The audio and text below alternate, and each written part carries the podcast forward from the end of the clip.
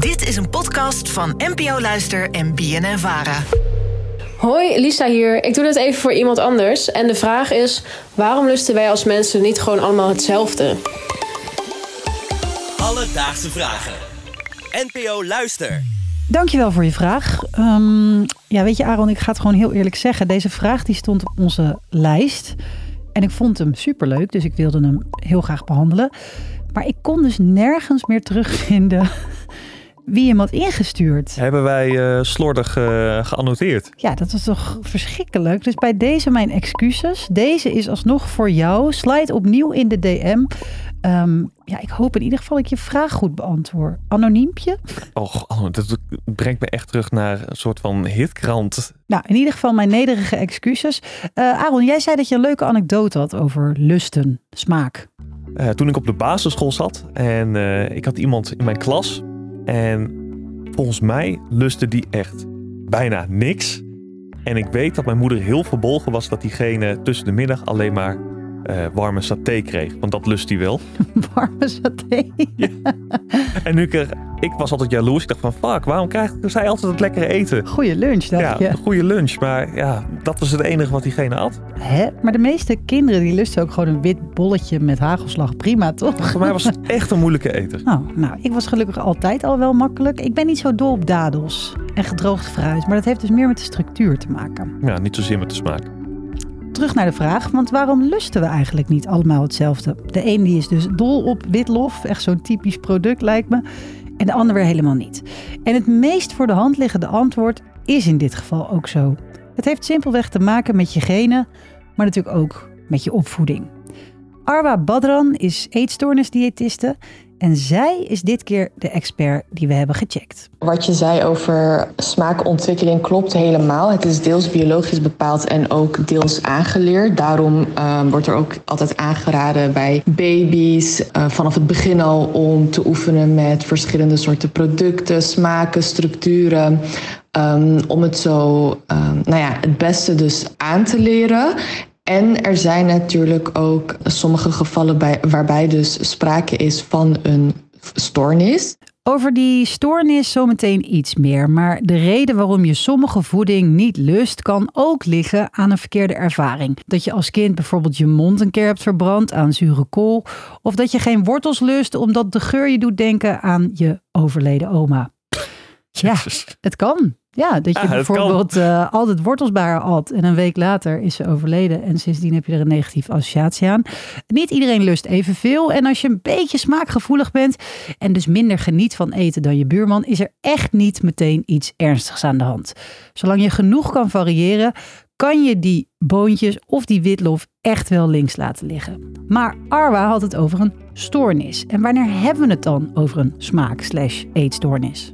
ARFID staat, het is een afkorting en in het Engels is het Avoidant Restrictive Food Intake Disorder. En in het Nederlands is het vermijdende of restrictieve voedselinname. Um, en het is zeg maar een voedingsstoornis waarbij je dus voedsel vermijdt met een bepaalde kleur, textuur of smaak.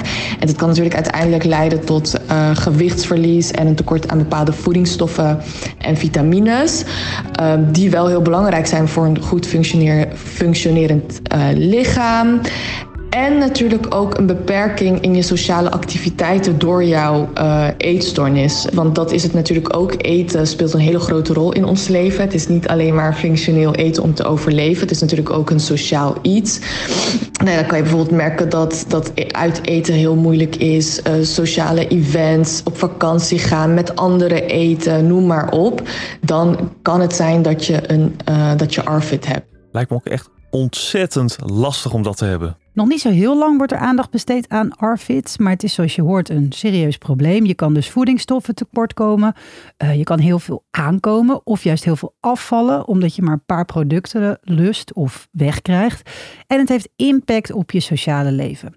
Hoe die stoornis precies ontstaat is ook voor iedereen weer anders. Het kan dus deels genetisch zijn, maar ook uh, veel negatieve associaties, zoals eerder genoemd, kunnen een rol spelen bij de ontwikkeling hiervan. Alledaagse vragen. Nou, Aaron, dat we niet allemaal hetzelfde lusten, dat is inmiddels wel duidelijk. Maar wat nou als je toch je smaakpalet wil uitbreiden? Ah, dus hoe je jezelf kan trainen om toch van meer producten te genieten.